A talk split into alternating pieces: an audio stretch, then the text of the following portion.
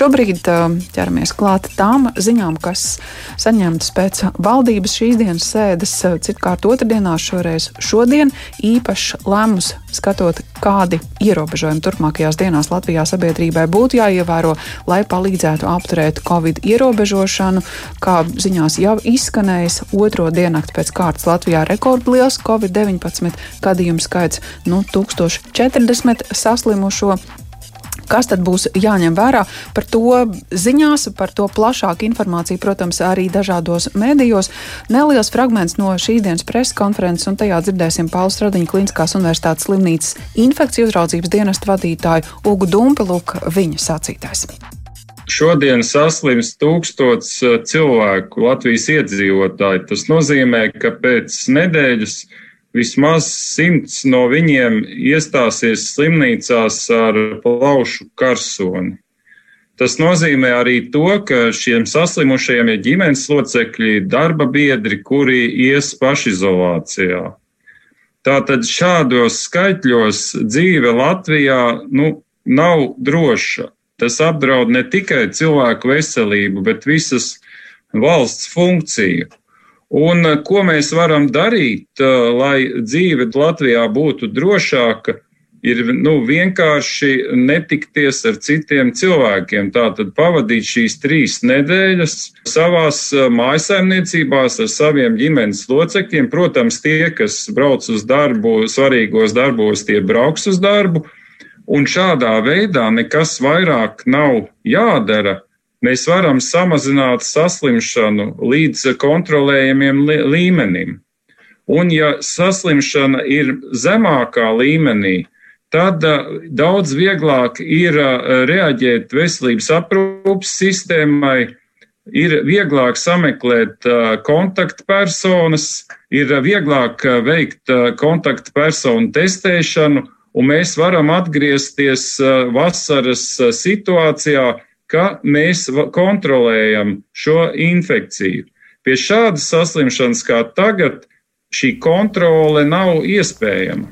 Tā Uga Dumpis uh, un nu, par šīs dienas pieņemtajiem ierobežojumiem, un ne tikai par to sarunāšos ar augstskolu pētnieku un starptautisko notikumu apskatnieku Imants Frederiks Ozols ir pie pēcpusdienas programmas tālruņa. Sveicināts! Sveicināti!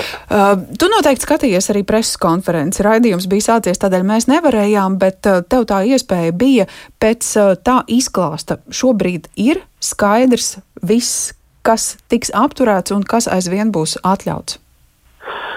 Nē, viss, diemžēl, nav skaidrs. Um, teiksim tā, valdības pārstāvjiem pašiem ir skaidrs, ko viņi ir pielēmuši. Un viņiem liekas, ka viņi arī dod šo skaidrību mums, bet tomēr eh, nav.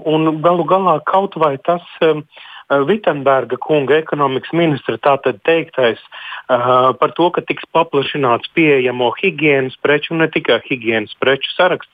Uh, nu, piemēram, ka tur varētu būt nezinu, degmaisījums vai, vai kaut kāds skaidrs brikets vai vēl kaut kas. Un tad viņš pasaka, Bet, tas, kas tur būs, tas vēl tiks publicēts. Mm -hmm. nu, kaut kādā es pieņemu, ka tas jau ir sagatavots un, un burtiski šajā laikā arī tas tiek nopublicēts. Bet jūs saprotat, um, situācija ir tāda, ka uh, rītdien ir pēdējā, nu tā pilnā uh, diena, kad cilvēki var nopirkt nu, neierobežot preču klāstu. Pēc tam jau seko nedēļas nogale ar tiem uh, ierobežojumiem, kas jau ir bijuši. Jā. Un lai gan man tās preces nav nepieciešamas, bet es saprotu, ka ļoti daudziem cilvēkiem tās ir nepieciešamas. Un man liekas, ka šajā brīdī uh, paziņot šādas lietas ir nu, vismaz uh, nepieklājīgi, jo tas ir ļoti, ļoti novēloti. Un no šī viedokļa man šī diena nešķita īpaši atšķirīga no iepriekšējām komunikācijas reizēm. Es varbūt redzēju lielāku vēlmi pateikt paldies, lielāku vēlmi censties būt draudzīgiem un kaut kā, nu, kaut kā pastiprināt, nu, nedaudz lielāku burkānu pastiept uh, pirms uh, atskan tas pātagas plīšs. Bet, diemžēl, pārējais nu, nekādā mērā neatšķiras, ieskaitot to brīdinājumu, ka, ja neizdosies, tad pēc desmit dienām būs jauni ierobežojumi, kas, manuprāt, šis paziņojums arī signalizē par to, kā arī valdība pati šobrīd nav pārliecināta, ka šis ir tas ceļš, kas dos nepieciešamos rezultātus. Kāpēc nav pārliecināta uz to atkal pēc būtības atbildēja Viņķels kundze? Tad Un arī viņa sāka ar pateicību, bet pateica, diemžēl, atkal savā raksturīgā veidā, ka viņai nav ilūzija par cilvēku dabu.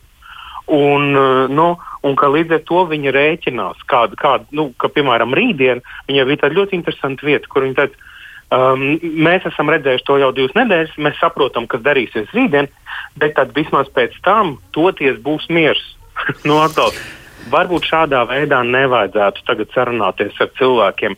Jo šīs dienas lēmums varbūt nav radikāli atšķirīgs no iepriekšējiem ierobežojumiem, bet tas ilgums un intensitāte un tas, ka tas skars pilnīgi visus, nu gan mm -hmm. ir.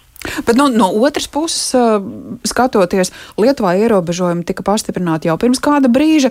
Tur tik un tā pēdējā brīvajā dienā pirms, vē, pirms ierobežojuma stāšanās spēkā pie veikaliem autostāvvietas bija stāvbrūdām pilnas. Es domāju, ka veselības ministre mēģināja iztēloties, ka kaut kas līdzīgs rītdien varētu darīties arī Latvijā. No otras puses, tas uh, uzmetums, kurš sociālos tīklus un ne tikai tos apceļoja par iespējamiem ierobežojumiem, nu varbūt tas jau otrdien vedināja domāt, ka šoreiz būs krietni vien stingrāki ierobežojumi. Te ir ļoti daudz visādi aspektu, tad mums būtu jācelā, bet es tomēr vedinātu cilvēkus atcerēties, ka ka tie mēs, kas, piemēram, arī šobrīd klausās mm. raidījumu, mēs, kas diskutējam par to, cilvēki, kas par to diskutē sociālajos tīklos, tā ir ļoti neliela Latvijas iedzīvotāju daļa. Tā ir ļoti neliela Latvijas iedzīvotāju daļa. Uh, viņiem ir salīdzinoši noteikts tas uh, socioloģiskais profils, ir kaut kāds noteikts ienākumu līmenis, ir kaut kāds noteikts dzīvesveids uh, šiem cilvēkiem. Bet, um, lai jebkurš ierobežojums, lai jebkurš epidemioloģisks pasākums būtu efektīvs, um, tas būtu jāievēro visai sabiedrībai. Un te ir tas jautājums, kā mēs to panāksim. Mm -hmm. Principiālā metode, ko izvēlējās uh, valdības locekļi un arī viņi pārmaiņas pēc arī pamatoja, kāpēc viņi to dara. Viņi saka, ka viņi izmantoja LMT sniegtos uh, mobilo tālruņu, tātad ir šos reģistrācijas datus, kurus analizē Latvijas universitāte, un tad, tad, tad kopā viņi saprata, ka ja reiz vēlamais efekts tātad cilvēku nu, tam daudzumam veikalos tiek panākts sestdienās, svētdienās, kad ir ierobežojumi, tad šobrīd noteiksim šos ierobežojumus uz visu laiku, uz trijām nedēļām. Bet, um, mums jau iepriekš bija problēma, ka liela daļa sabiedrības nesadarbojas ar valdību tajos pasākumos.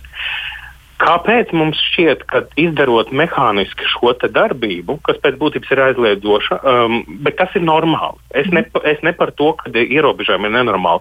Es vairāk par to komunikācijas veidu. Kāpēc mums liekas, ka šobrīd mums uh, uh, tas sekmēsies efektīvāk? Un es gribētu uh, pieminēt, ja man vēl ir laiks un iespēja, Bloomberg News šodienas publikāciju par Zviedriju. Mēs zinām, ka Zviedrijā karalis arī atzinis, ka viņu izvēlētā stratēģija bija neveiksmīga. Arī pats Anders Cigels, šīs Zviedru stratēģijas autors, Jā. to ir atzinis.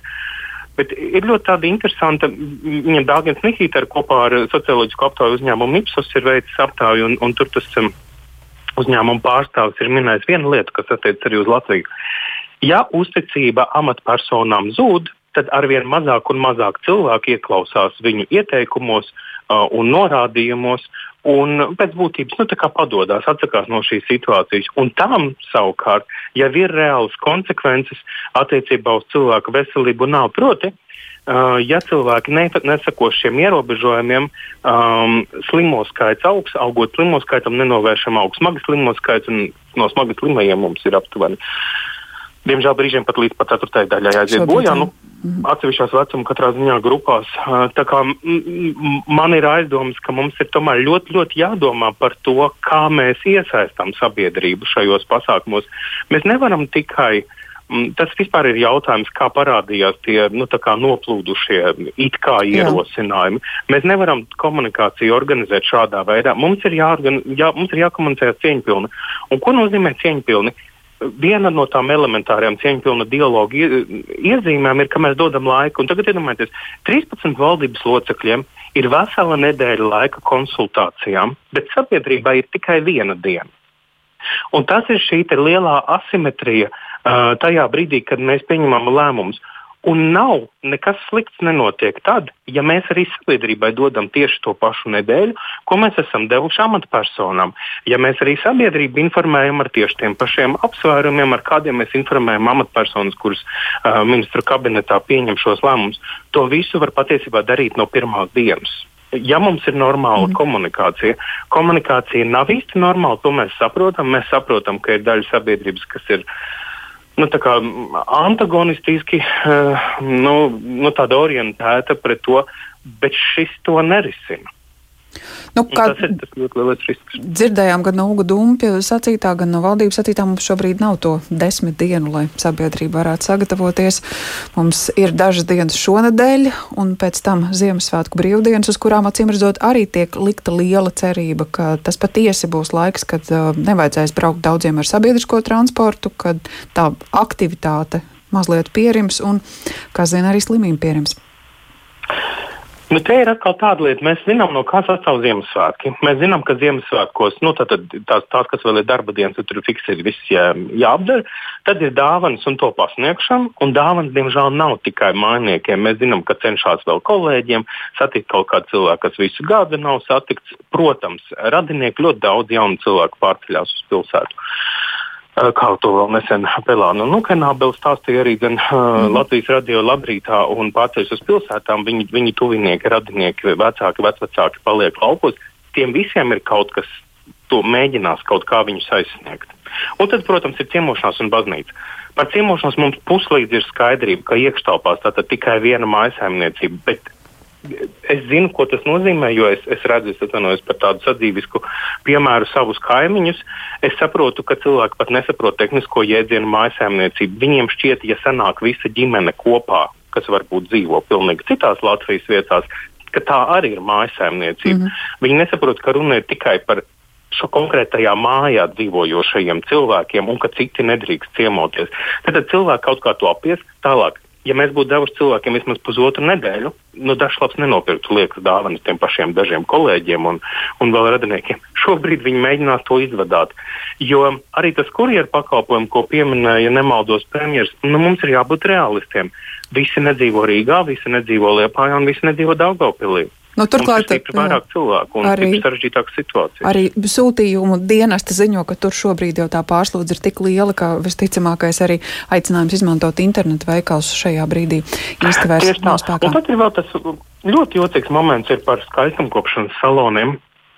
Man liekas, ļoti slikta stratēģija, ja mēs no vienas puses atļaujam, tad tas kā figūro šurp, figūro turp.